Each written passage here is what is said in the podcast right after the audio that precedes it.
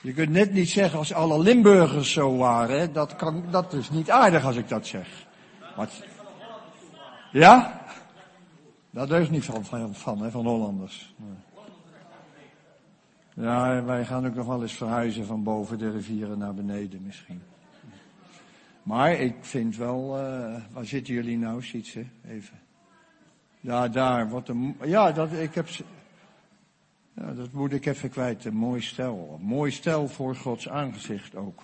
Prachtige mensen. Heerlijk om zulke mensen te zien. Heerlijk. Ja, ja, ja, ja, ja. Oké. Genoeg daarover. Ik mag met u nadenken over um, vertrouwelijke omgang met God. En ik wil even beginnen met een psalm. Psalm 12 van David. Ik ga het nogal wat over David hebben. En in Psalm 12, vers 1, daar begint David zijn psalm met help toch heren. Heel leuk. Help toch heren, want. Waarom, waarom roept hij dat zo uit? Help toch heren, want. En het is heel, heel boeiend, vind ik, wat hij dan zegt. Hij zegt, help toch heren, want er zijn geen vromen meer.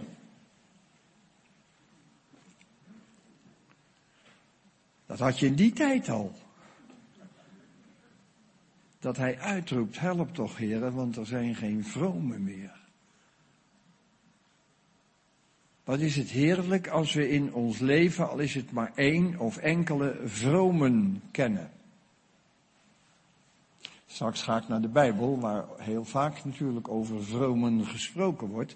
Uh, vroomheid heeft bij ons een wat negatieve invulling vaak. Nou, dat is zo'n vrome. Maar de Bijbel bedoelt vroomheid natuurlijk met iets heel, heel, heel, heel positiefs. Hè? Uh, vertrouwd, uh, vromen dus, vromen. Help toch, heren, want er zijn geen vromen meer. En wat is het heerlijk als u in uw omgeving een of meerdere van die vromen kent. Van die echte, vrome mensen. Die vind je gelukkig in allerlei kringen. Ik twijfel of ik dat hier zeggen mag. En als ik twijfel moet ik het niet doen, dus ik zeg het niet. Uh, maar wat is het heerlijk dat je die in alle soorten gemeenten en kerken en kringen tegenkomt. Vromen. Maar ze zijn zeldzaam. Ook hier al. Help toch, heren, want er zijn geen vromen meer. Een van de vromen die voor mij veel betekend heeft, nou noem ik haar naam nogal eens, is Corrie Boom. Dat was zo'n vrome. Die een vertrouwelijke omgang had met de Heer. Ik liep eens samen met haar te wandelen en vertelde haar probleem, mijn probleem. En ineens zei ze, ja vader, dat is, dat is moeilijk voor Henk. Kunt u niet? En toen was er zo een gesprek met de hemel. Wij zijn gewend om te zeggen, dat is goed hoor, je zullen eerst samen bidden. Maar zij deed dat zomaar. En we moeten ook weer oppassen dat we dat niet als een kunstje gaan overnemen. Dat zie je soms ook om je heen. Maar bij haar was dat zo echt. Vader, wilt u. En ik weet toch dat ik s'avonds een keer, want we was hele nuchter vrouw, s'avonds een keer naar haar toe kwam, om een uurtje of half elf denk ik of zo, na een samenkomst. En ik zei, tante Corrie, ik heb een probleem, ik wil u een vraag stellen. En toen zei ze, morgenochtend ben je de eerste, jongen. En ik weet van haar dat ze soms aan het eind van de dag zo moe was, dat wanneer ze aan haar avondgebed toe was, zei, Heer, ik ben moe, wel rusten. Maar ze had wel een heel vertrouwelijke omgang met hem. Dwars door de diepte heen, wie haar geschiedenis kent, haar concentratiekampjaren kent, het lijden kent. Wat een prachtige vrouw. Toen ik haar voor het eerst zag en ze ging spreken, dacht ik, Heere God, geef mij wat zij heeft. Dat was een vrome in mijn omgeving waar ik me ontzettend aan opgetrokken heeft. Zij vertelde deze verhaal. Ze was in Nieuw-Zeeland en ze moest de andere dag spreken in een plaats en dat was acht uur rijden met de auto. En toen zei ze, want dat was haar vertrouwelijke omgang. Vader, u weet toch dat ik dat niet kan? Acht uur in de auto zitten en dan nog spreken. Heb u niet een vliegtuig voor me?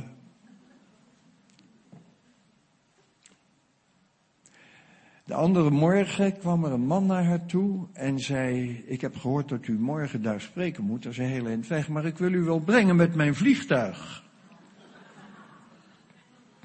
Hij zei, ik heb een bedrijf met vliegtuigjes, wij besproeien de velden en wij hebben van die kleine toestelletjes en ik wil u daar met mijn vliegtuig wel brengen. Op één voorwaarde, zei hij. Uh, de piloot die dan met u meegaat is een van mijn werknemers. En het is een man die de Heere kende, maar kort geleden is zijn vrouw overleden. En hij is boos op God en weggedwaald. Hij gaat jou daar brengen op één voorwaarde. Voordat hij weer aan de grond staat, is hij terug bij de Heer. Ze zegt, en daar zat ik naast hem, voor in dat toestelletje. Ze zegt, en ik begon eerst te praten over allerlei dingen en ik vroeg naar zijn vrouw en, en toen vertelde hij natuurlijk zijn verhaal. Ze zegt, ja, ik had de opdracht dat hij bij de Heer terug zou zijn voordat we op de bestemming waren. Dus ik begon over God en ik zag hem kwaad worden. Zeg maar, hij kon er niet uit. Zij zeggen door Gods genade. Want zij wist wat lijden was. Ze hielden Joden verborgen in Haarlem en toen werden ze verraden. En toen kwamen de Duitsers en die namen de Joden mee en die brachten ze naar de gaskamers. Om vergast te worden. En tante Corrie met de zuster Betsy en de vader werden naar Scheveningen gebracht, naar de gevangenis. Daar stierf haar vader. Toen gingen ze naar Ravensbroek, Betsy en zij. Daar stierf Betsy. Maar elke avond, ze had kans gezien haar bijbeltje mee te smokkelen. Elke avond was er een samenkomst bij haar bed. Kwamen de vrouwen. Om te luisteren naar wat tante Corrie vertelde uit de Bijbel. En toen was ze alleen over. En toen ze alleen over was, zei ze, nou wil ik de hele wereld rond om mensen te gaan vertellen hoe geweldig of Jezus is. Naar een concentratiekamp. En die vrouw heb ik ontmoet. En door die vrouw ben ik geweldig gezegend. En die vrouw was daar in dat toestelletje dat zei, uh, heb u niet een vliegtuig voor me? En God gaf haar een vliegtuig. Ze zegt, en voordat we op de grond waren, was die terug. En op de grond hebben we het toestel neergezet.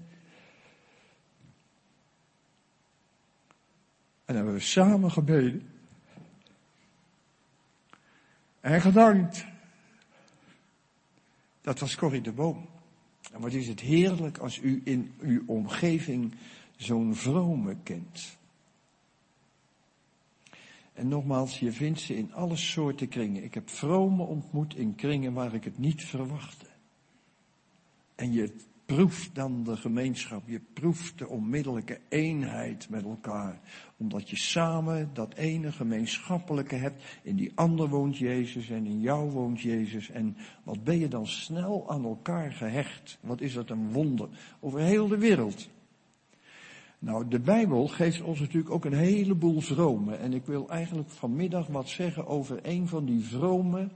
En die heet David. Een man van wie koning, eh, ze hadden dan koning, dat was Saul, die was ongehoorzaam geweest aan God. En dan staat er in de Bijbel, het berouwde de Heer dat hij Saul tot koning had aangesteld. En dan gaat God Saul verwerpen omdat Saul gewoon niet luistert. En dan zegt de Heere God tegen de profeet Samuel, ik heb een man gevonden naar mijn hart. In de Bijbel staat, de ogen des Heren gaan over de hele aarde om krachtig bij te staan hem wiens hart of haar, wiens hart, wie hart volkomen naar mij uitgaat. Ook hier in de zaal hoor, zo. Even weer er tussendoor, even naar uzelf. De ogen des Heren gaan door de hele zaal op zoek naar een vrome.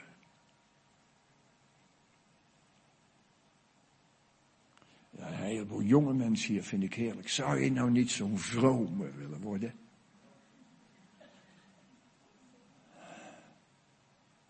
Die een vertrouwelijke omgang heeft met God, zoals dan de Corrie dat had, dwars door het lijden heen. Wat een prachtige vrouw. En God, de ogen des Heren gaan over de hele aarde om krachtig bij te staan. Hem, haar, wiens hart volkomen naar hem uitgaat. En dan ziet hij hem. Achter de schapen. Met zijn citertje of harp. Waar hij aan het zingen is met zijn heldere stem. Een jonge knul. Ziet u dat voor u? Waar hij aan het zingen is, liederen die hij zelf gemaakt heeft. Nieuwe liederen, ziet ze. Die hij toen nieuw, nou niet meer. Die hij zelf gemaakt heeft. De Heer is mijn herder. Mij ontbreekt niets. Hij doet mij nederliggen in grazige weiden. Hij verkwikt mijn ziel. En daar zit hij met zijn gitaartje. En de hemel hoort het. En de ogen des Heren gaan over de hemel, hele aarde. En God zegt, oh, dat is een man, dat is een man naar mijn hart. En op een dag zit die David, die jongen, daar bij zijn schapen, de schapen van zijn vader, die die hoeden moet. En dan komt er een knecht aanzetten en die knecht zegt, uh, je moet thuiskomen. Je vader heeft gezegd dat ik je moet komen halen. En dan gaat hij naar huis en dan ziet hij daar tot zijn verbazing zijn zeven oudere broers. Hij was de jongste. Zijn zeven oudere broers staan daar en vaders, en die broers die kijken wat, wat nors inmiddels. En vader staat daar en daar staat een profeet, Samuel. Met een horen, een koeienhoorn in zijn hand, gevuld met olie. En David kijkt om zich heen, heel verbaasd. En nou lees ik het even met u, 1 Samuel 16, geloof ik. Ja. En dat, ze staan daar dus allemaal. En dan, maar, maar al die jongens zijn voorbij gegaan. En God heeft bij al die zeven jongens gezegd, nee, die is het niet. Niet naar die grote gestalte kijken, die is het niet. Die ook niet. Ook. En ze zijn alle zeven voorbij gegaan. En daar staat Samuel. En hij, weet het dan ook niet meer. En dan zegt Samuel in vers 10. Um, hierop zei Samuel tot vader Isaïe, zijn dit al de jongens deze antwoorden, de jongste ontbreekt nog, zie hij wijte schapen. Dat is nou bijna altijd zo. Hè. God zoekt zo vaak datgene uit wat door de mensen niet wordt uitgezocht. Al die zeven jongens moesten opdraven, maar ja, David. Is nog zo jong, nog zo'n knulletje. Dat daar heeft God een voorkeur voor. Hij heeft het dwaze in de wereld uitgekozen om het wijze te beschamen en het zwakke in de wereld om het sterke te beschamen. God heeft een voorkeur voor die personen ja, waar ons oog niet op valt. Dat geeft toch moed, lieve mensen. Waarom heeft God daar een voorkeur voor? Omdat dat de mensen zijn, bijna altijd de mensen zijn zonder capsones. Het zijn niet de macho's. Het zijn niet degenen die denken, ja, ik wil voor God wel wat doen. En hij zou ook wel blij zijn dat ik wat voor hem... Dat soort typen, die komen allemaal wat op de achtergrond. En die jongen die daar bij, de, die bij vader ook niet meetelt. Vader heeft hem helemaal niet opgeroepen. Alle zonen moesten komen. Ja, natuurlijk alle zonen. Dat, maar, en daar staat hij dan, die jonge knul, David. En dan staat er, dus eh, zijn dit alle jongens? Deze antwoordde de jongste, ontbreekt nog, zie, hij wijt de schapen. Toen zei Samuel tot Isaïe, laat hem halen, want we zullen niet gaan aanzitten voordat hij hier gekomen is. Daarop liet hij hem halen. Hij nu was rozig, ook had hij mooie ogen en een schoon voorkomen, mooi Joods jongetje, hè? zie je het voor je? Mooi Joods jongetje. Even er tussendoor. We hebben er anderhalf miljoen van die leeftijd vergast. Bent u wel eens geweest in, in, in, in, in, in uh, hoe heet het, Yad Vashem, het oorlogsmuseum in Jeruzalem?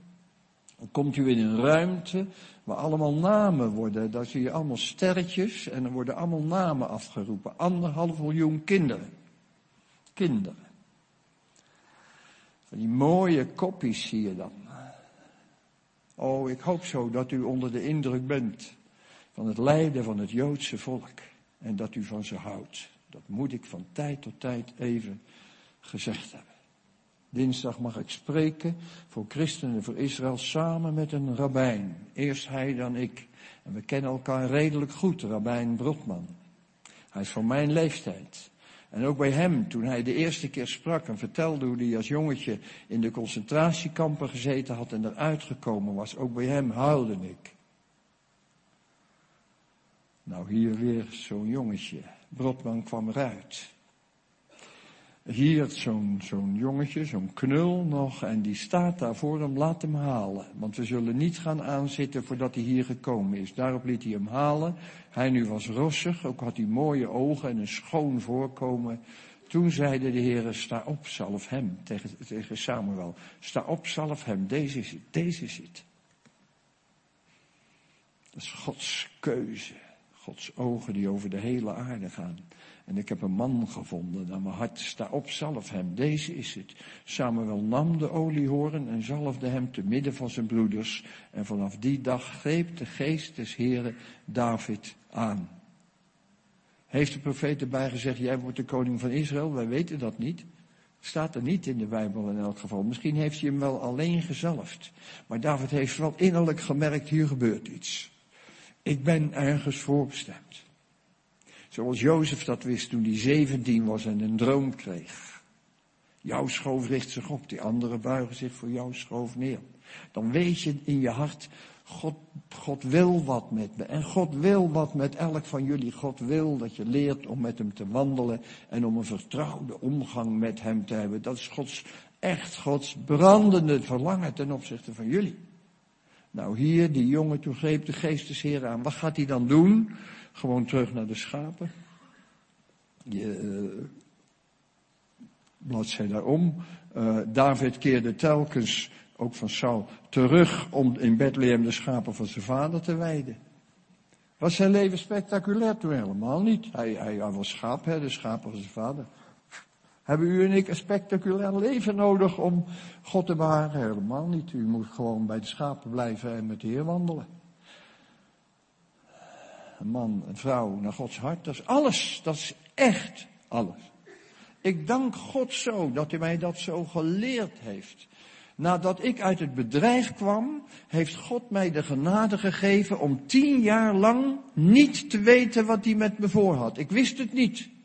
Dus wat deed ik? Ik heb tien jaar lang, terwijl ik getrouwd was en wij kinderen hadden, vandaar dat ik zo dol op mijn vrouw ben, want die, heeft met, die trouwde met een man toen ze 19 was, die een eigen bedrijf had. En toen ze 23 was, was ze getrouwd met een man die geen brood meer op de plank bracht die zijn verantwoording niet nam, in wie in het hele dorp over hem gepraat werd, en die boven op zijn zolderkamertje zat om zijn Bijbel te lezen.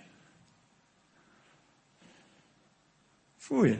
Dat is Gods weg. Dat is toch een vreemde weg. God wist, leidde mij om uit het bedrijf te gaan, maar verder zei hij niks. Ik wist niet wat hij wilde. Moest ik gaan theologie gaan studeren? Moest ik naar een bijbelschool? Moest ik in de zending? Zwijgen. Alleen maar Gods aangezicht zoeken en wandelen met hem. En natuurlijk waren er dingetjes die toen gebeurden. Toen mocht ik wel eens op één, op één bijbelstudie geven. Had ik één persoon. En later groeide dat wel uit tot twee of drie. En soms een hele jeugdconferentie of een jeugd. Dat is gegroeid. En toen was ik veertig en toen was ik daar doodmoe van. Toen ben ik drie maanden in Engeland geweest en toen kwam de EO me halen. En toen heb ik 25 jaar lang door op radio en televisie als een jongen die geen enkele opleiding heeft. Net als David. Een jongen die eigenlijk in die konterijen niet mee kan doen. 25 jaar lang heeft God mij genade gegeven om voor radio en televisie in Nederland het evangelie te mogen verkondigen. Maar wat was mijn opdracht? Wandelen met God, verder niks. Op een zolderkamertje zitten en Gods aangezicht zoeken. Wat is uw opdracht? Wandelen met God. Voel je? Wij zoeken soms naar dingen terwijl we die wezenlijke basisgegevens veronachten. Uw enige roeping is om met God te wandelen, om hem lief te hebben met je hele. David deed dat. Hij was gezalfd tot koning en hij gaat gewoon terug naar zijn schapen. En op een gegeven moment zit hij daar en dan komt er weer een knecht. Zegt, je moet bij je vader komen. En dan gaat hij bij zijn vader en, en, en zijn vader zegt, ja, koning Saul heeft gezegd dat je bij hem op je gitaar moet gaan spelen. Want hij is zo depressief iedere keer.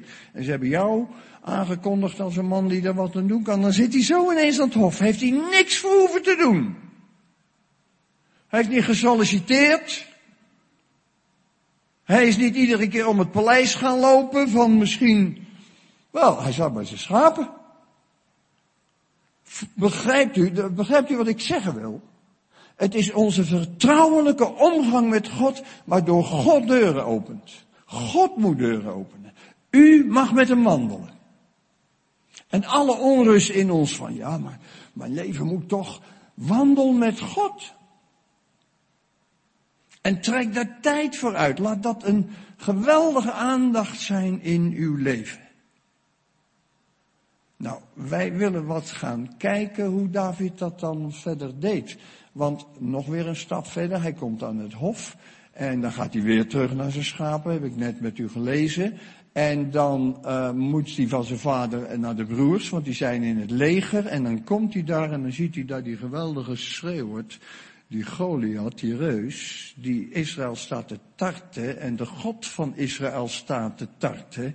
En Saul, die toch een held was, beeft net als alle anderen iedere keer veertig dagen lang als die man weer tevoorschijn komt met dat gebrul. En ook Jonathan, een held, een zoon van Saul, durft er, kan er niks mee. Waarom niet? Omdat ze voortdurend zitten te kijken naar dat geweldige, imposerende beeld van die reus Goliath. En dan komt David daar. Achter zijn gitaartje vandaan. De Heer is mijn herder, mij ontbreekt niets. Mag ik met u even een tekst lezen over hoe hij, hoe hij dat zegt? Psalm, Psalm 17 maar even.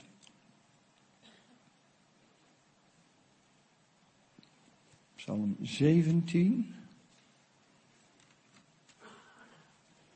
Vers 15. Waar staat, maar ik zal in gerechtigheid uw aangezicht aanschouwen en bij het ontwaken zal ik mij verzadigen met uw beeld. Dat was zijn vertrouwelijke omgang met God. Bij het ontwaken zal ik mij verzadigen met uw beeld. Ik kom zo bij u uit, maar even nog bij David. Wat heeft David s morgens gedaan voordat hij op weg ging naar Goliath? Hij heeft zich verzadigd met het beeld van God. Dat zat op zijn netvlies. De grootheid van God. God, de schepper van het heelal, die hij in de natuur zag, die, waar hij van zingen kon, de Heer is. En toen kwam hij daar bij Goliath. Dacht hij, hé, hey, er staat nog een beeld, zeg.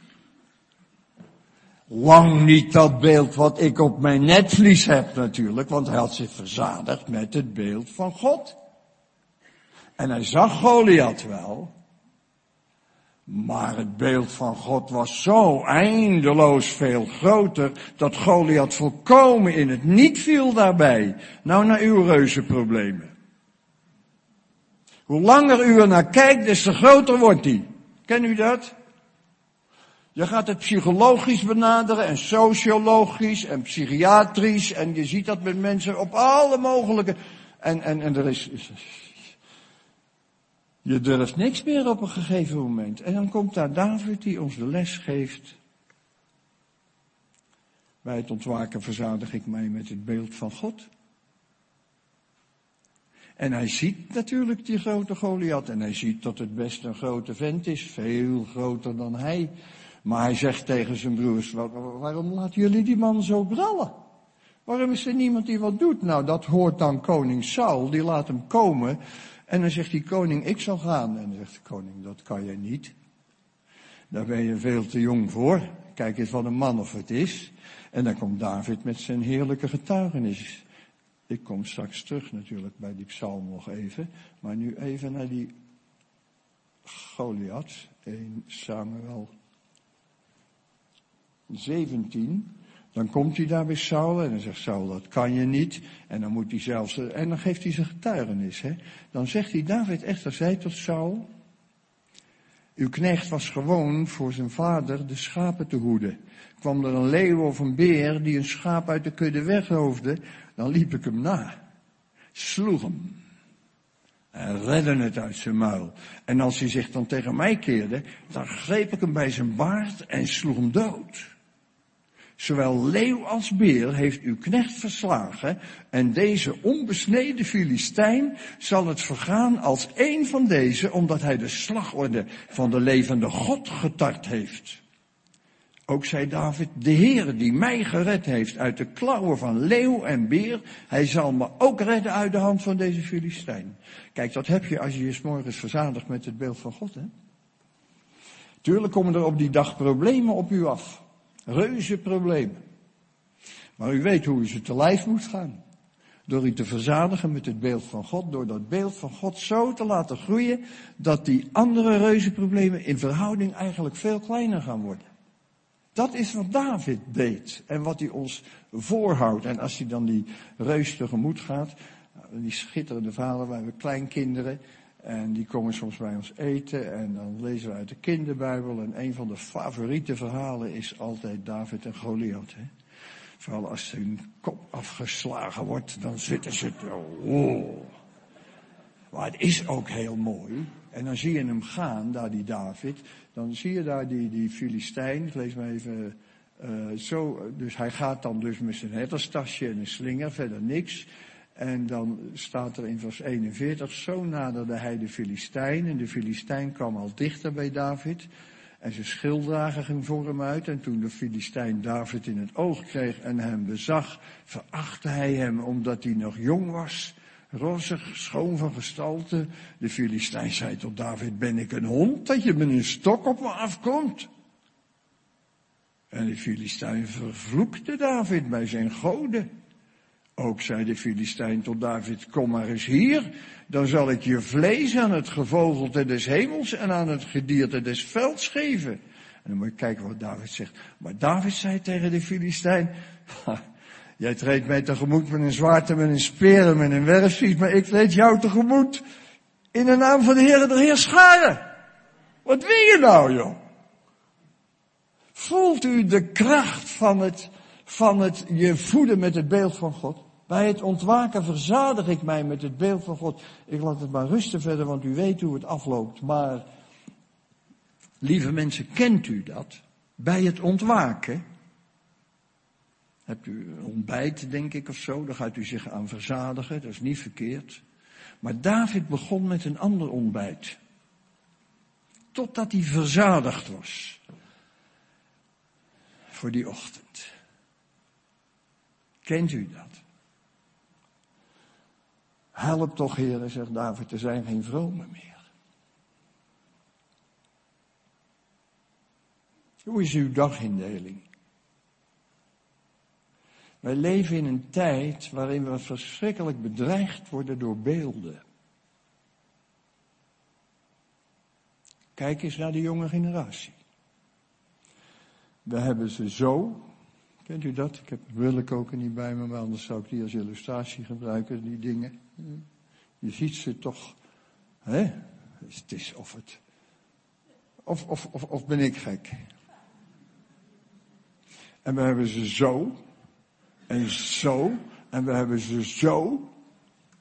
En dan komt er vandaag een man die u aanbeveelt om u bij het ontwaken te verzadigen met dat andere beeld.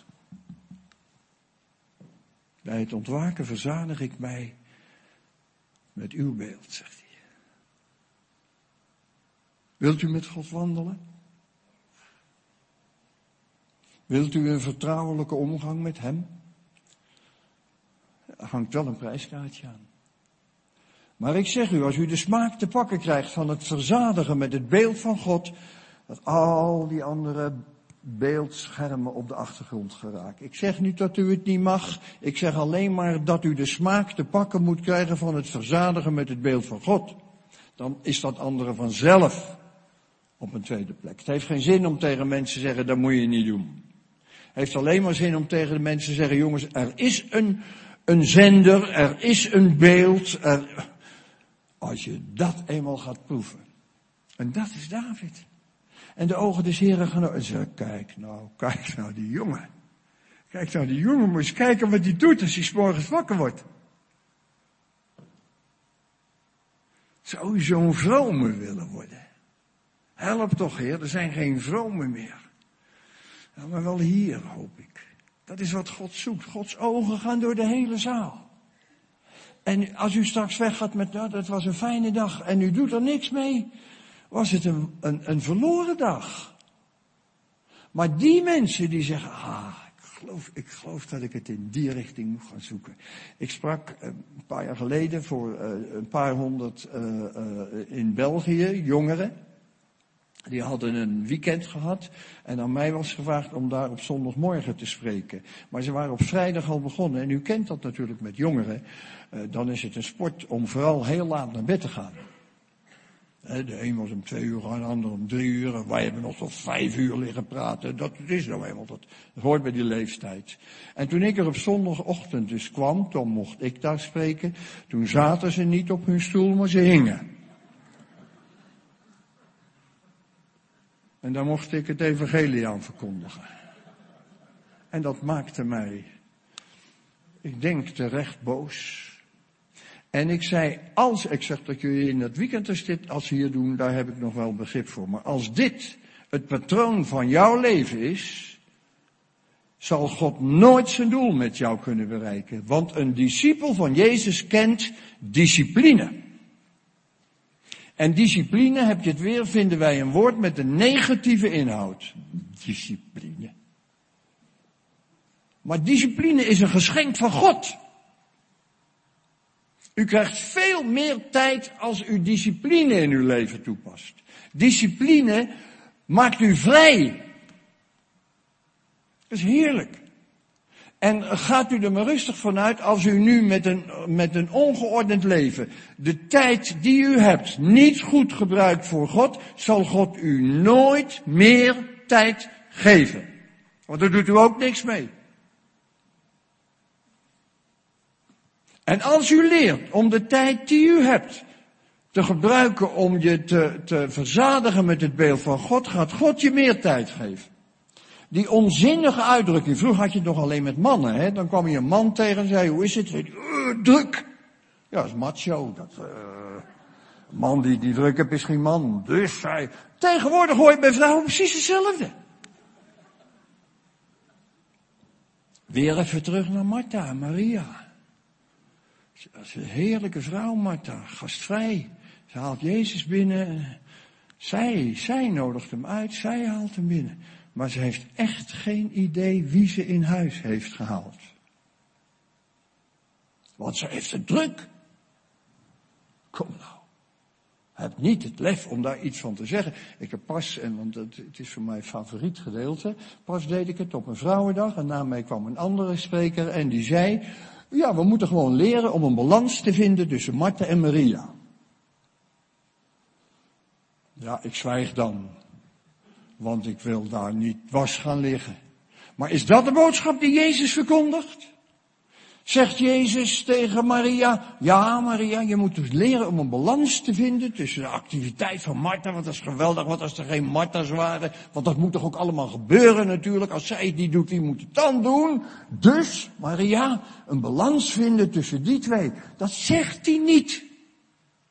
Hij zegt letterlijk, Martha, Martha.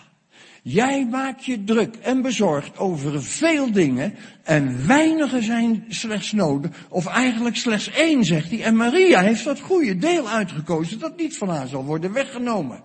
Maria zit aan de voeten van Jezus.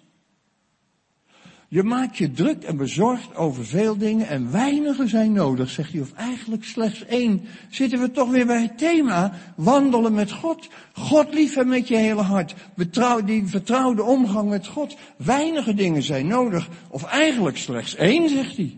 Nou, de vraag aan u, hoeveel dingen doet u per dag die niet nodig zijn?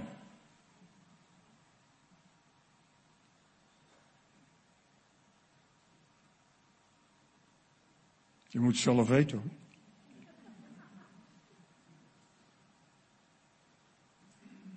Druk. Wat een onzin.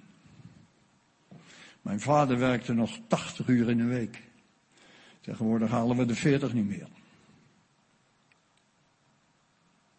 Waarmee hebben wij het dan druk? Met alles waardoor we afgeleid worden. Het is een gekke tekst, die heb ik nog nooit gebruikt, maar ik doe het even in dit geval in Exodus. Daar moet het volk uitgeleid worden uit Egypte. Hè? En dan gaat Mozes, krijgt de opdracht om naar de farao te gaan. Maar de, dat pakt helemaal verkeerd uit. De farao die zegt, wie is, wie is de Heer aan wie ik... Dus hij trekt zich daar niks van aan. En dan zegt hij dus dat het volk nu niet alleen meer stenen moet bakken, maar ze moeten ook zelf het stro gaan halen. En zijn argumentatie is in hoofdstuk 5 van Exodus vers 8. Maar um, gij moogt het volk geen stro meer geven, vers 7, om tichelstenen te maken, zoals gisteren en eergisteren. Ze moeten nu zelf stro gaan verzamelen. Maar toch zult gij hun de vastgestelde hoeveelheid tichelstenen, die ze gisteren en eergisteren moesten maken, opleggen, zonder er iets van af te doen. Want ze zijn lui, daarom roepen zij, laat ons aan onze God gaan offeren. Het werk van deze mannen moet worden verzwaard, zodat ze daarmee bezig zijn en geen aandacht schenken aan leugentaal. De duivel is er voortdurend op uit om u geen aandacht te doen schenken aan wat hij leugentaal noemt en wat de Bijbel de waarheid noemt. Geef ze maar een heleboel te doen. En in onze tijd geef ze maar een heleboel apparaten met die schermpjes. Dan zijn ze wel zoet. En we zijn zoet, zeg. Ik, ik, ik, ik voel, voelt u mijn nood in deze? Er gaat een hele, ik heb wel eens dit gezegd, de, toen de televisie kwam, 65 jaar geleden, uh, uh, begon ook de kerkverlating. Denk erover dat hij wat de schade heeft aangericht. En dan zeg ik, de, de televisie heeft zijn duizenden verslagen. Kijk eens naar de aantallen aan kerkverlating in Nederland. Dat is toch afgrijzelijk. De televisie heeft zijn duizenden verslagen. En internet, met alles wat erbij hoort, zal zijn tienduizenden verslaan. Ben ik nou zo'n prediker die zegt dat mag allemaal niet? Nee, ik wil prediken dat er een man is in de Bijbel die klaagt en zegt, help toch heren, want er zijn geen vromen meer. Want ze zijn allemaal zo bezig met al die andere dingen. Ze laten zich zo verschrikkelijk afleiden door alles wat niks oplevert. En zoals u zegt, weinige dingen zijn nodig. Of eigenlijk slechts één. En ze zijn bijna allemaal bezig met dingen die helemaal niet nodig zijn. Dat is mijn nood. En daarmee verspeelt u het hoogste wat u krijgen kunt. Door al die afleidingen heb ik het nog niet eens over verleiding. Laat maar rust in dit geval. Nou zijn wij hier om met elkaar te praten over die vertrouwelijke omgang met God. En mijn verlangen is om u de smaak te pakken toen krijgen van bij het, bij het ontwaken, je verzadigen met het beeld van God. Terug naar die, want ik zie dat ik dat niet afgemaakt heb, naar die lui, die, die jongeren die voor mij zaten daar, aan wie ik vertelde, jongens, jullie moeten leren om discipline in je leven toe te passen. Een week of drie, vier daarna kreeg ik een brief van een studente en die was daar geweest. Ze zegt, ik heb u gehoord op die conferentie en ik was vreselijk kwaad op u. En ik dacht, wat een, een, een, een schreeuwlelijk is dat. Ik weet niet welke woorden ze gebruikte. Ze zeggen, toen kwam ik thuis en toen dacht ik, eigenlijk heeft hij wel gelijk. Ze zegt, toen heb ik de Heer beloofd, Heer, ik ga elke morgen de wekker een uur eerder zetten. En dat uur is voor u. En ze schreef me, ik ben nou drie weken verder en het is grandioos, wat een zegen of ik daarvan al ontvangen heb. U kunt naar huis gaan met de gedachte, oh, dat, was, dat toch wel een goede dag. U kunt ook zich iets gaan voornemen. In de kracht van God. En zeggen, bij het ontwaken ga ik leren om me te verzadigen met het beeld van God. Sommigen van u laten dit langs u heen gaan. Anderen zullen dit tot zich nemen. Zalig zij, wat de Heer Jezus zegt, indien gij dit weet, zalig ben jij het doet. Zalig als je het doet. Het zit niet in al deze dingen weten. Miel zei dat vanmorgen meteen. Het zit in, wat ga je er nou mee doen? Bij het ontwaken mij verzadigen met uw beeld. En dan zeggen mensen, nou moet dat per se s'morgens? Ja, David deed het gewoon wel s'morgens, bij het ontwaken. Moet dat? Ja, waarom, waarom zou dat nou niet moeten? Ja, dat moet. Anders glipt u er weer tussenuit. Oh, hij heeft mij in elk geval ruimte gegeven om het ook s'avonds. Nee, ik geef die ruimte niet. Terwille van u. Jezus zegt, zoek eerst het koninkrijk der hemelen. En wij zeggen, ja, ja, maar ik moet nu even eerst. En dan bent u aan het eind van de dag en dan zegt u, er is vandaag weer weinig van terechtgekomen. Ja, toch? Maar waarom zou u nou geen vrome worden? Waarom zou u, jij, nou geen vrome worden? Terwille van je kinderen, terwille van je kerk, terwille van je omgeving, terwille van jezelf, terwille van God. Wat hebben wij aan alle preken als we het erbij laten?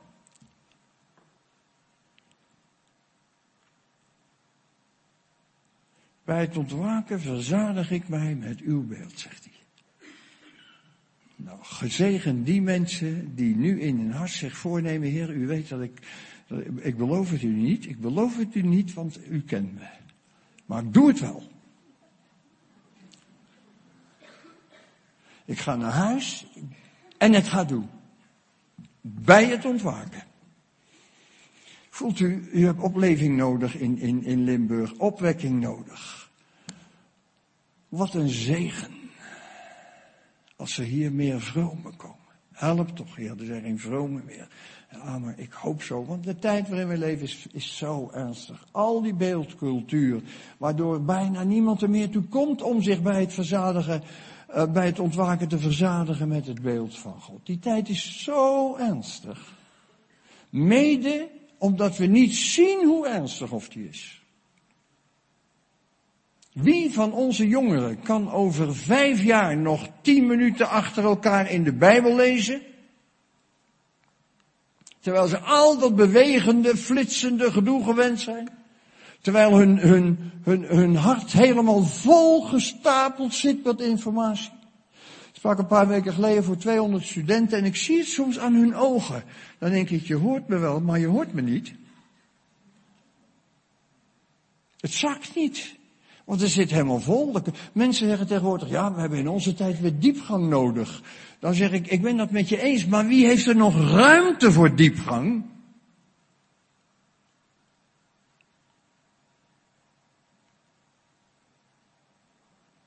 Hoe diep zal, zal deze dag bij u zakken? Wat is nou uw levensstijl als u straks thuis komt? Gaat die weer aan vanavond het een na het ander, zodat u morgen amper nog weet wat hier vandaag gezegd is? Is dat uw levensstijl? Van mij mag u hoor. Denk niet, ik wil niet geschaad worden in die club van predikers die altijd met een vingertje omhoog staan. Maar ik kan niet nalaten u te zeggen, u verspeelt het beste wat er is. Martha, Martha, je maakt je druk en bezorgd over veel dingen en weinigen zijn nodig. En Maria, of eigenlijk slechts één, zegt de Heer Jezus. En Maria heeft het goede deel uitgekozen, wat niet van haar zal worden weggenomen. Wij zeggen vaak als we sterven, ja, je kan niks meenemen. Dat is maar een halve waarheid. Je kan ongelooflijk veel meenemen. Niks van het materie.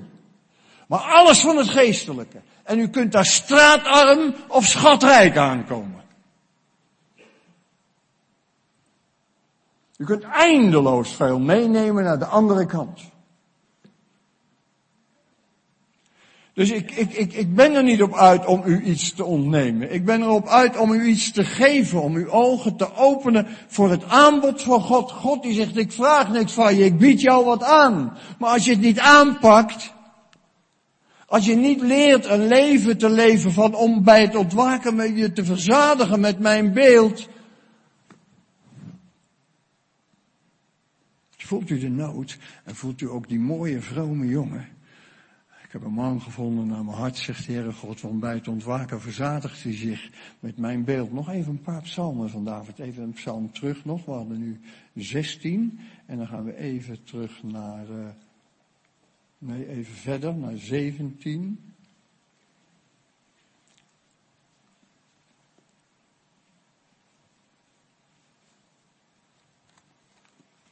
17, vers 8, waar hij zegt, even, even, even nog eh, vers 7, daar zegt hij zelfs bij nacht onderwijzen mij mijn nieren.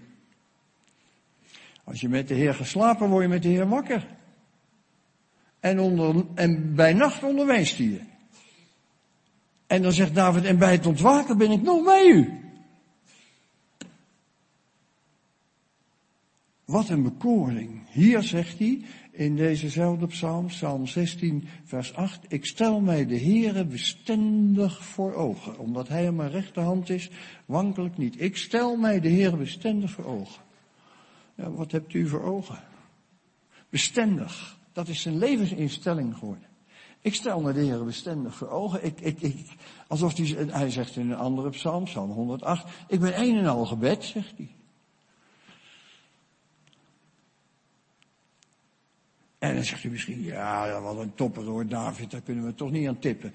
Maar weet u, ik denk even aan een andere jongetje van twaalf. Jongetje van twaalf, altijd leeftijden vreselijk leuk. Die is met zijn ouders meegegaan naar Jeruzalem. Dat is een feest van zeven dagen, twaalf jaar. Oeh, zeven dagen, hè? Dan heb je toch wel aardig gehad, hè? Al die geestelijke dingen, zeven dagen lang, als jongetje van twaalf. Kom nou, mam, gaan we nou naar huis? Nee, want pa en ma gaan naar huis en hij blijft. En ze zijn op zoek op een gegeven moment, waar is die? En ze raken bijna in paniek en ze komen terug in Jeruzalem in de tempel en daar zit hij. Drie dagen later, na het feest, zit hij nog. En dan zeggen ze, jongen, jongen, als je wist wat je ons aangedaan hebt. En hij kijkt ze verbaasd aan met zijn prachtige ogen en zegt, weet je dan niet dat ik bezig moet zijn met de dingen van mijn vader?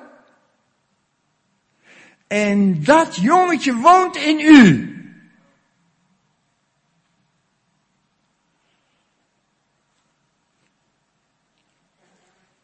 Ik sta aan de deur en ik klop en iemand mijn stem wordt aan de deur opent, ik zal bij hem binnenkomen. Hij gaat zijn leven in jou, in uw leven. Wat moet, u wat moet God er dan nog meer aan toevoegen? Wat had hij dan nog meer moeten doen dan zijn zoon vanuit de hemel naar deze aarde laten komen en laten zijn, zijn al uw en mijn vuil laten indrinken? Heb je zich dat wel eens tot u laten doordringen? Ik ben altijd als ik in Jeruzalem ben, in Israël ben, dan gaan wij naar Gethsemane en dan hou ik daar een korte bijbelstudie van Jezus die daar op weg gaat en in Gethsemane is en tot drie keer toe vraagt, vader, doe deze beker aan mij voorbij gaan. Wat was dat voor een beker? Dat was de gifbeker. Met u en mijn gif. En Jezus die geen zonde gekend had. En Jezus die nooit gezondigd had, krijgt de opdracht om uw en mijn gif in te drinken. En met dat gif op weg te gaan naar Golgotha. Om daar het oordeel van zijn hemelse vader over zich heen te laten krijgen. Zodat hij uitroept, mijn God, mijn God, waarom heb gij mij verlaten? Ja, God moest wel, want hij zag hem vervuld van al het gif van u en mij. Dat is het evangelie. En toen is hij uit de dood opgestaan en heeft u meegenomen. Eerst in de dood, toen in het leven, zodat u in nieuwheid des levens mag wandelen. En toen is hij ten hemel gevaren en de Bijbel zegt dat u meegenomen bent met hem in de hemel. David beleeft dat. U bent een burger van een rijk in de hemel. U bent met Christus gezet in de hemel hier en nu. Wat had God dan nog meer moeten doen? En toen was hij tien dagen in de hemel en toen zei die vader, is het zover? de vader zei, ja. En toen werd de geest van Jezus Christus uitgestort in u en in mijn hart. Welke verontschuldiging hebben wij dan nog om niet met hem te wandelen? Ik had duizend vragen aan God, maar toen ik hem zag, was ik ze allemaal vergeten. Oh God, weet u wat de hel is? De hel is wat de Bijbel zegt. Eeuwig spijt. Oh God, had ik maar, had ik maar, had ik maar. Ver van God verwijderd zijn. Terwijl je weet, het had zo anders kunnen zijn. Als ik op die conferentie daar in Roermond gedaan had wat er gezegd werd.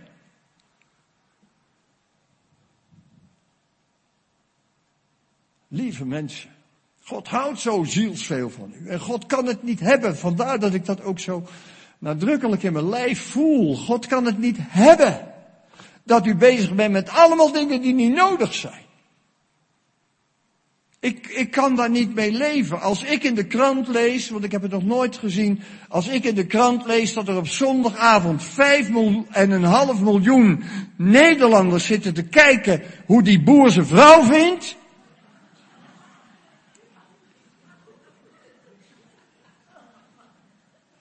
Dan denk ik, ik zeg niet dat u niet naar dat programma niet kijken mag. Daar gaat het mij niet om. Maar die boer vindt zijn vrouw ook wel als u niet kijkt. En als hij ze niet vindt, is het me ook best. Voelt u met wat een onnozele dingen wij onze tijd vullen? Weinige dingen zijn nodig, zegt Jezus. Ja, ja, maar boer zoekt vrouw, dat moet ik wel even weten hoe dat afloopt hoor. Acht avonden, dat moet toch kunnen? Ja, dat mag. Doe je best. Maar ik snap er echt niks van. En in de hemel zult u daar niks van snappen. Als u straks voor Gods aangezicht staat, kunt u niet begrijpen dat u zo geleefd hebt.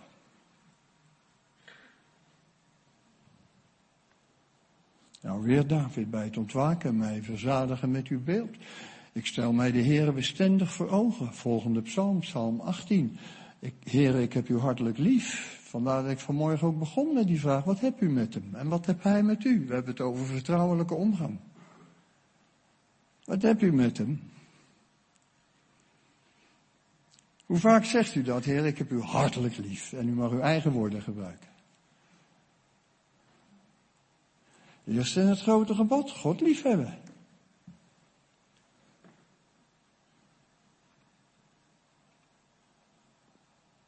Ik heb u hartelijk lief, Heer, zegt David. Nog even een paar psalmen. Ik heb die ene vanmorgen al genoemd, maar ik wil hem even herhalen weer. Psalm. Eerst is even nog die psalm 25 en dan 27, dat haal ik nog. Psalm 25 even. Waar David die bekende tekst gebruikt, des Heren, vers 14, des Heren vertrouwelijke omgang is met wie hem vrezen. Daar komt ons thema vandaan, vertrouwelijke omgang. Maar ziet u dat hier niet staat, er staat hier dus, des Heren vertrouwelijke omgang is met wie hem vreest. Dus niet de vertrouwelijke omgang van David met de Heer, maar de vertrouwelijke omgang van de Heer met David. Met wie gaat God nou vertrouwelijk om? Met degene die hem vrezen. Gaat God vertrouwelijk om met de mensen die denken dat ze wel vertrouwelijk met God om kunnen gaan? Nee. Begrijp je wat ik bedoel? We hebben God veel te veel gekleineerd. Al die vragen van vanmorgen, een aantal daarvan, die tonen dat aan. met alle liefde, maar als wij al ontmoedigd zijn wanneer de ZZP'er het niet goed krijgt, terwijl die toch de Heer is aan overgegeven, dan denk ik, wat, wat maken we dan toch van onze God? Nogmaals, ik wil hier niemand kwetsen, maar het tweede gebod is, gij zult u geen gesneden beeld maken, nog een gestalte van wat dat in de hemel is. Wij maken allemaal gesneden beelden van God. God is de God die ervoor moet zorgen dat het met mijn bedrijf goed gaat. God is de God die, als je ziek bent, dan wil die je genezen. God is, en vul maar in. Allemaal gesneden beelden. We snijden God op maat. Gesneden of aan een stukje. Zo willen we hem hebben. Voelt u de nood? De, des Heren vertrouwelijke omgang is niet met degene die denken dat God de bakker op de hoek is tegen wie ze jij mogen zeggen. Des Heren vertrouwelijke omgang is met degene die denken, oh. En vrezen is niet angstig, maar vrezen is geweldig respect hebben. Want het is God En drong dat maar wat meer tot mij door. Ik vraag dat vaak. Help me, Heer, dat wat meer tot me doordringt dat ik spreek met God. En dat ik wil omgaan. Je durft toch bij de Joden gebruiken dat woord niet, hè? dat weet u, die spreken de naam van God niet uit. Dat is, vinden ze veel te, te hoog. Dus heren, vertrouwelijke omgang is met wie hem vrezen. Juist diegenen die God hoog stellen, daarvan zegt God, met jou heb ik wat. Met jou wil ik omgaan, want je weet met wie jij omgaat. Dus heren, vertrouwelijke omgang is met wie hem vrezen. We mogen God ons helpen een juist beeld te krijgen van wie hij in werkelijkheid is. En daar hebben we een leven lang en een eeuwigheid voor nodig. Maar toch, even nog één psalm die ik al genoemd heb vanmorgen, psalm 27, waar David zegt, één ding heb ik van de Heer gevraagd. Even stoppen hier. Als u nou één ding aan God mocht vragen, leuk om dat voor uzelf altijd even door te denken. Je mag één ding nee, geen twee, geen drie, één ding. Ja, maar ik heb wel een aantal dingen. Ja, dan moet je dat reduceren totdat je maar één ding over hebt. Wat zou je vragen? Hm? Het licht van de Heilige Geest, ja. Ik hoor daar nog iemand. Henny? Ik versta je niet. Wijsheid. Wijsheid, zeg je, ja. Bij hem te zijn, ja. Allemaal natuurlijk, ja. Ja. Ja, dat zou je elke dag eigenlijk even moeten zeggen, vind je niet? ja, ja, ja, ja, ja. Ja, eh, eh, maar dan hebben we het gesprek. Dan hebben we het gesprek met God. Het vertrouwelijk omgaan met God. Wat zegt David hier? Eén ding heb ik van de Heer gevraagd, dit zoek ik, te verblijven in het huis des Heren. Al de dagen van mijn leven, niet alleen op maandagmiddag, al de dagen van mijn leven, om de liefelijkheid des Heren te aanschouwen en om te onderzoeken in zijn tempel. Vanmorgen heb ik al even gezegd, wat is het huis des Heren? Daar kun je een aantal dingen over zeggen. Eén van de antwoorden is dit. Dit is het huis des Heren. En morgen gaat u naar uw eigen kerk of samenkomst te verblijven in het huis des Heren. Nou, het heeft veel meer kanten, maar het heeft ook die gemeentekant. Wat is het geweldig om een lid van een gemeente of een goede kerk te mogen zijn. Waardoor u verder geholpen wordt in uw geestelijk leven. Maar daar moet u wel een aandeel in nemen. Een geestelijk aandeel. Gezegend zijn die gemeenten die een aantal vromen in hun gemeente hebben. En hoe meer vromen er in een gemeente zijn, des te sterker is Gods aanwezigheid in die gemeente. Vind een prachtige tekst van Mozes altijd. Het volk heeft gezondigd en, en dan moet Mozes zet een tent buiten de legerplaats neer. En dan staat er, als Mozes de tent binnenkwam, daalde de wolkolom neer. Als Mozes zijn plek verliet, verliet God zijn plek. Als Mozes naar die ontmoetingsplaats gaat, gaat God naar die ontmoetingsplaats. En hoe meer Mozessen u in uw gemeente zijn, des te meer is daar van God. Hoe bereidt u zich voor op morgenochtend? En bijvoorbeeld een uur eerder opstaan. Fantastisch. Fantastisch. Dat is precies, dan geef je handen en voeten aan wat wij willen zeggen hier. Waar zijn de vromen die morgen een uur eerder opstaan om hun knieën te buigen voor de dienst waar de voorganger straks zijn boodschap mag brengen? Weet u hoe moeilijk of het is voor voorgangers om op zondagmorgen te moeten spreken voor een groep mensen die zich op zaterdagavond volgezogen hebben met het beeld wat op ze afkwam? Je komt er niet doorheen bijna als prediker. Want die beelden waren veel boeiender dan die prediker die hier staat. En daardoor lopen gemeenten terug en klagen mensen van ja, het is er niet meer wat het geweest is en ik ga eens kijken of het ergens anders beter is en dat allemaal. Maar u bent mee verantwoordelijk. Als u morgen komt, brengt u hem mee. Tuurlijk is dat genade. Maar voelt u de mogelijkheden die God ons biedt? Eén ding heb ik van de Heer gevraagd, dit zoek ik, te verblijven in het huis des Heeren al de dagen van mijn leven. Om de liefelijkheid des Heeren te aanschouwen. Wat een zegen om in een samenkomst te zijn waar vromen zijn.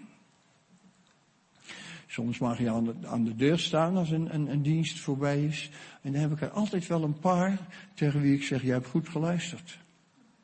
Dan zeggen ze, hoe weet u dat? Dan zeg ik, dat kon ik zien. Dat zijn van die vromen, die zuigen het in. Die kan ze niet lang genoeg duren.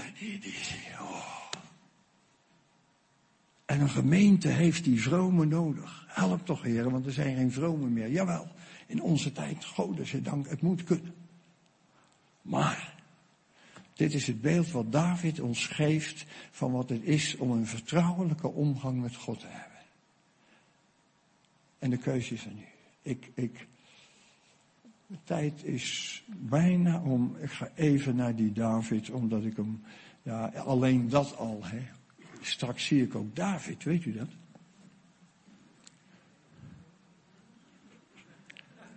Moet je toch niet aan denken? Dat is hem.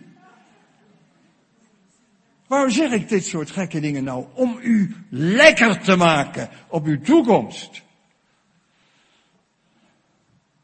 Zodat u een man wordt als Paulus die zegt, ik verlang naar hem heen te gaan en met Christus te zijn. Want dat is natuurlijk het allerbeste. U ziet daar, ik zie daar degene over wie ik het mijn leven lang gehad heb.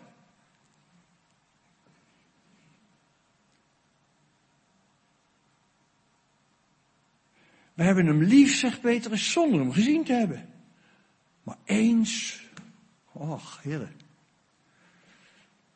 Voelt u met welke mooie dingen wij bezig zijn? Even naar die David terug, die man naar Gods hart. U weet allemaal over die zwarte bladzijde in zijn leven. En ik wil u daar even niet, ik zeg daar niks over verder, want u kent het. Hoe kan een man naar Gods hart zo diep vallen? Dat kan dus, hè? Dat kan dus. Dat David zag een vrouw.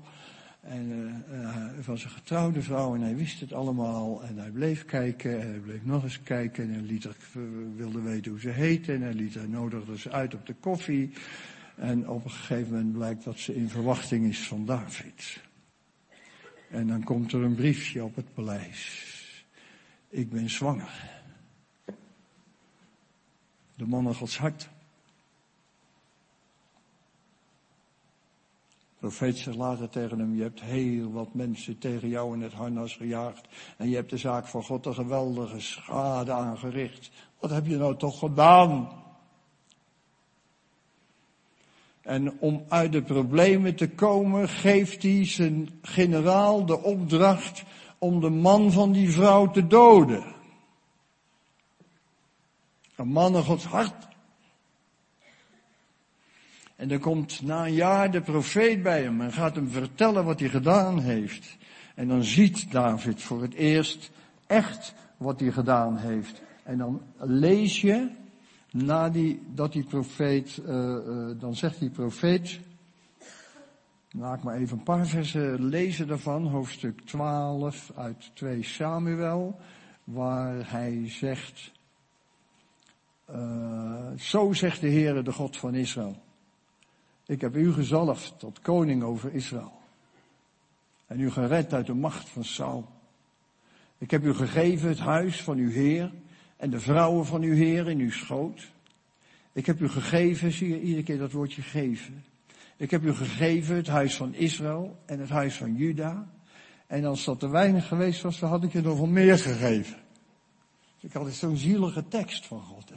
Was het te weinig daar, dan had je het moeten zeggen, jongen, had ik je nog meer gegeven. En dat zoiets triest zit daarin. En als het te weinig geweest was, dan had ik je nog wel meer gegeven. Waarom? Heb je het woord des Heren veracht en gedaan wat kwaad is in zijn ogen? De Hethiet Uria heb je door het zwaard verslagen. Zijn vrouw heb je tot vrouw genomen. Hemzelf heb je door het zwaard van de Ammonieten gedood. Nu dan, het zwaard zal van jouw huis nooit meer wijken. Oh, zonde zijn zulke verschrikkelijke dingen. omdat je mij hebt veracht, zegt de Heer, en de vrouw van Uria genomen hebt, opdat zij u tot vrouw zou zijn. Zo zegt de Heer, zie, ik zal over u een kwaad doen komen uit uw eigen huis. Ik zal uw vrouwen voor uw ogen weghalen en aan uw naaste geven. Die zal bij uw vrouwen liggen op klaarlichte dag. Want gij hebt het wel in het verborgen gedaan, David. Maar ik, de Heere, zal dit doen in tegenwoordigheid van heel Israël. En in het volle licht. Toen sprak David tot Nathan. Ik heb tegen de Heere gezondigd. En wat staat er dan meteen daarna? En Nathan zei tot David, de Heere heeft uw zonde vergeven. Zo is God. Indien wij onze zonde beleiden, God is getrouw en rechtvaardig om onze zonde te vergeven. En ons te reinigen van alle ongerechtigheid. En ik zie sommigen van u denken, zo makkelijk. Nou, mooi makkelijk. Je moet de geschiedenis van David eens gaan lezen. Het zwaard zal van uw huis niet wijken. Want God kan je de zonde wel vergeven, maar de gevolgen van de zonde worden vaak niet uitgewist. Daar zit je mee. Voor de rest van je leven. Ook David. Dus zo makkelijk is het dan ook weer niet. Maar het is wel een God die vergeeft. De Heer heeft u zonde vergeven. Gij zult niet sterven. Of schoon gij door deze daad de vijanden des Heren zeer hebt doen lasteren. Ga de straat maar op en vraag naar David en zegt, oh, dat was die man een Gods hart, hè, die toen met Bathseba naar bed ging. Ja, daar heb ik over gehoord.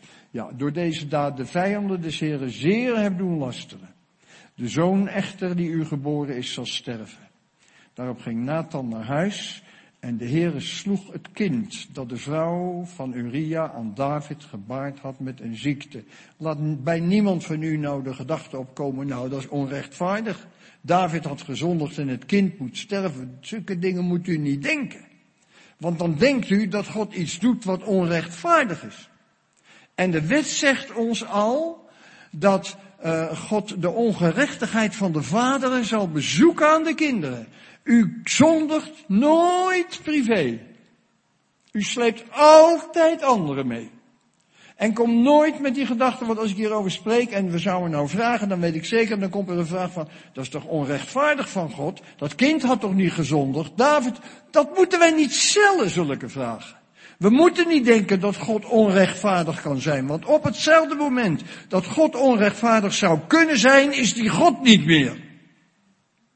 Wij spelen met God. We zetten hem in de beklaagde bank en zeggen, hoe kan? En daarmee verliest u God uit het oog en verliest God u uit het oog. We moeten leren te verstaan wie die werkelijk is. Daarom niet met die vraag komen. Daarop ging David naar zijn huis en de Heer sloeg het kind dat de vrouw van Uria aan David gebaard had met een ziekte. Toen zocht David, daar heb je weer, de man met die verborgen omgang met God. Uh, zijn zonden zijn hem vergeven. Moet je eens kijken wat hij doet. Toen zocht David God. Dat durft hij zomaar aan, omdat hij weet dat zijn zonden vergeven zijn. Terwille van de jongen, hij vastte. En telkens als hij naar binnen gegaan was, bracht hij de nacht door, liggend op de grond. En de oudsten van zijn huis kwamen bij hem om hem van de grond te doen opstaan, maar hij wilde niet. Ook at hij niet met hen. De zevende dag nu stierf het kind. En de dienaren van David durfden het hem niet mee te delen dat het kind dood was. Want ze zeiden, zie, toen het kind nog in leven was, hebben we tot hem gesproken en hij heeft naar ons niet geluisterd. Hoe zouden wij dan tot hem kunnen zeggen, het kind is dood? Hij zou iets kwaads kunnen doen. Toen David zag dat zijn dienaren onder elkaar fluisterden, begreep hij dat het kind dood was. En David vroeg zijn dienaren, is het kind dood? Ze zeiden, het is dood. Toen stond David op van de grond, wies zich, zalfde zich, verwisselde zijn klederen. Hij ging het huis des heren binnen en boog zich neer. Wat een prachtige man. Een man die weet, ik heb dit verdiend. Ik heb geprobeerd om hem in het leven terug te brengen. God heeft niet gehoord. Terecht heeft God niet gehoord. Hier ben ik, Heer. Hij gaat het huis des Heren binnen en zoekt Gods aangezicht. En dan lees je verder, en dat is het laatste wat ik zeg. Ze komen dan bij hem en uh, nu is het kind dood, zegt David. Waarom zou ik dan nog vasten? Kan ik het nog doen, terugkeren? Ik zal wel tot hem gaan. Ja, een hele leuke tekst, hè? Ik zal wel tot hem gaan, tot dat kind. Maar hij keert tot mij niet terug. Daarna troostte David zijn vrouw Bathseba. Hij kwam tot haar en had gemeenschap met haar. Ze baarde een zoon en hij noemde hem Salomo. De Heere nu, de Heere nu had hem lief. God zei niet, uit dat huwelijk, uit dat huwelijk. De Heer, zo is God, hè? Ook bij u en bij mij. Als we het verkeerd doen, dan stapt God bij de volgende halte weer in. Weet u dat? Oh, als het niet zo was, waar zouden we dan moeten blijven? Dat is God. Nog even, uh, hij noemde hem Salomo. De Heere nu had hem lief. Hij zond een boodschap door de profeet Nathan en noemde hem je dit jaar om des Heere wil. En het is deze jongen die straks op de troon komt te zitten van Israël. Uit Bathseba en David, zo is God. God is de, de, de David is de man naar Gods hart. Voor Bathseba. En David is de man naar Gods hart. Na Bathseba. En de Bijbel zegt ons dat God alle dingen doet medewerken ten goede voor, hem, ten goede voor wie hem lief hebben. Ook zonde. Is veel te groot om daar nu op in te gaan, maar alle dingen doet God meewerken. En een man als David die door die duisternis gegaan is en oh God dat ik dit heb kunnen doen heeft na Bathseba een band met God gekend die sterker was nog dan voor Bathseba. Voor Bathseba had hij nog de neiging om te zeggen, Heer, u bent onberispelijk voor diegenen die onberispelijk zijn. Psalm 18. Nu weet hij dat dat anders is. God, ik dacht dat er nog iets was wat ik u kon aanbieden. Maar alles is mij uit handen geslagen. Hier ben ik. Ik moet het 100% van uw genade hebben. En de verhouding die er tussen God en David geweest is na Bathseba, heeft een diepte gekend. En denkt u dan nooit, oh dan kan je wel zondigen, dan hebt u het niet begrepen. Heeft een diepte gekend die het niet had voor die tijd. Die God mag u dienen, met die God mag u wandelen, met die God mag u vertrouwelijk omgaan.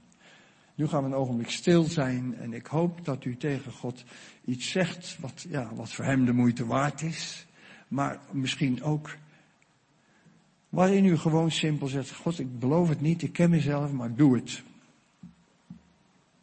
Ik wil een vrome worden en ik wil bij u aankomen als een vrome door wat u in mij hebt uitgewerkt. Zullen we stil zijn, daarna zal ik danken.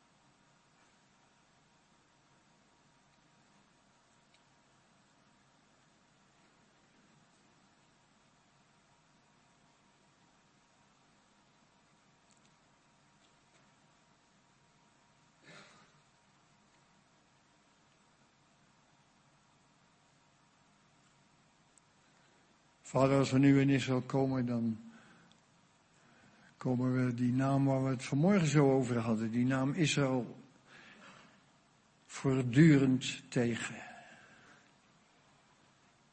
En we komen zo'n man als David voortdurend tegen met de stad Davids, Jeruzalem. En de Davidspoort en de Davidstoren en de Davidster en de vlag waarin de Davidster verwerkt is. En u hebt kans gezien, Heer, om met zo'n jongetje als Jacob en met zo'n jongetje als David En we kunnen er vele noemen vanuit uw woord. U hebt kans gezien om met hen uw doel te bereiken. En de vraag voor vanmiddag is, hoe ver kunt u met ons komen? U. Bakenen wij dat af, Heer, met onze ja, beperkingen in de zin van, ach, is zoveel waar je mee bezig moet houden in deze tijd. Laten we ons afleiden door zoveel dingen die niet de moeite waard zijn om daardoor afgeleid te worden.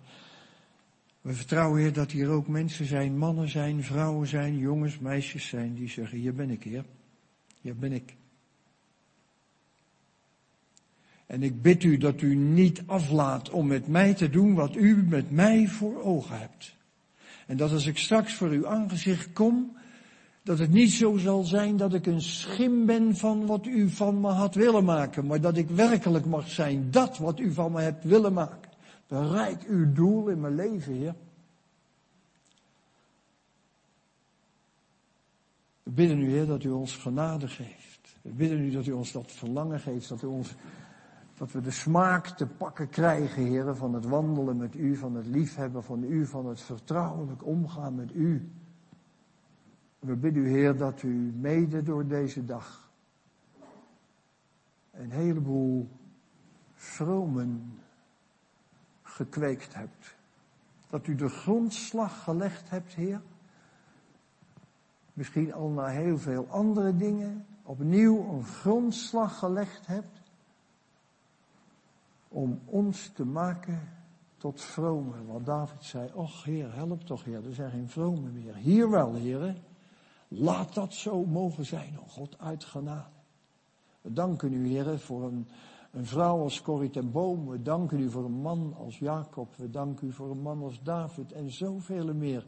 En we danken u voor het feit dat we eens komend uit oost, west, noord en zuid mogen aanliggen in uw koninkrijk met Abraham, Isaac, Jacob, David, Corrie ten Boom en een heleboel meer. Wat een ongelooflijke vreugde hebt u voor ons bereid, Heer. Overvloed van vreugde is voor uw aangezicht, zegt David. Overvloed van vreugde is voor uw aangezicht. En leer ons, Heer, om in dit leven voor uw aangezicht te wandelen. Eigenlijk, eigenlijk in de hemel, eigenlijk met het zicht op de hemel. U bestendig voor ogen, ons verzadigend met uw beeld, uw hartelijk liefhebbend, wandelend met u, vertrouwde omgang met u, een en al gebed, u en u alleen. Vader, wat zal het mooi worden in Limburg.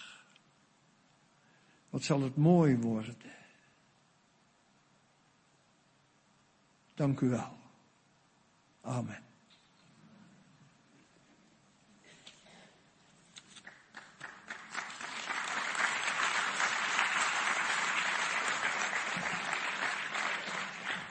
Wat moet je daarmee? Wat moet je daarmee? Ik stuur dat natuurlijk onmiddellijk naar boven toe, dat begrijpt u wel. Maar ik vind het ook wel heel sympathiek hoor. Want we hebben ook wel wat gekregen met elkaar vandaag, vindt u niet?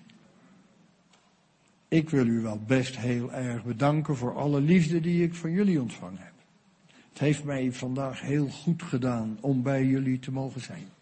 Dat is mijn applaus vanaf deze kant naar jullie toe. Dank je wel.